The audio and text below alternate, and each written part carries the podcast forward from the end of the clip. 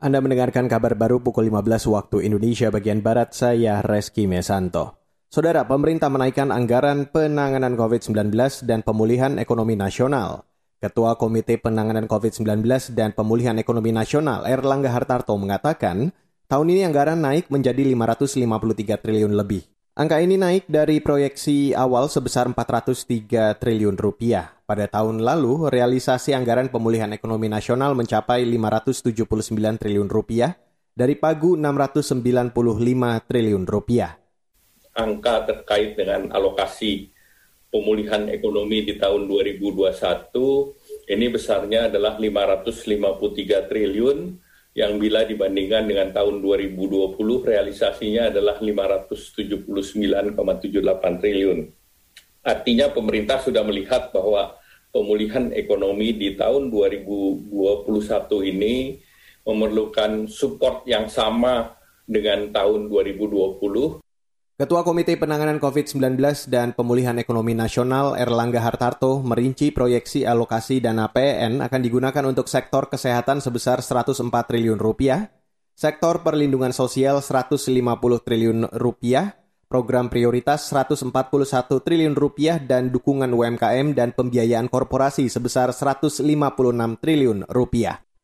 Beralih ke informasi selanjutnya, Saudara, Lembaga Kajian Hak Asasi dan Keberagaman Setara Institut menilai rencana pembentukan komponen cadangan di Kementerian Pertahanan bisa memicu masalah baru.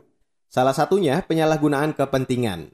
Direktur Riset Setara Institut Halili Hasan mengatakan, dari kacamata demokrasi dan HAM, komponen cadangan bisa digunakan menghadapi ancaman keamanan dalam negeri dengan dalih komunisme, terorisme, dan konflik. Ancaman itu, kata dia, berpotensi menimbulkan konflik horizontal di masyarakat. Ditambah lagi komponen utama pertahanan nasional yaitu TNI belum sepenuhnya reformis sehingga eh, TNI yang tidak reformis dan tidak sepenuhnya tunduk pada kerangka demokrasi dan supremasi sipil ini memang potensial untuk kemudian menggunakan komponen cadangan ini sebagai instrumen kepentingan eh, yang bertentangan dengan demokrasi dan hak asasi manusia. Direktur Riset Setara Institut Halili Hasan mendesak pemerintah menguatkan militer melalui reformasi TNI pembaruan alutista dan menuntaskan masalah kesejahteraan prajurit dibanding membentuk komponen cadangan. Sebelumnya, Kementerian Pertahanan akan membuka rekrutmen komponen cadangan dengan target 25.000 warga sipil di 2021.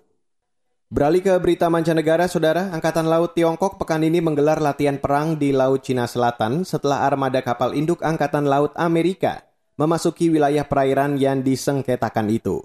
Namun, tidak ada keterangan rinci jenis latihan apa dan berapa banyak armada kapal perang Tiongkok yang dilibatkan dalam kegiatan itu.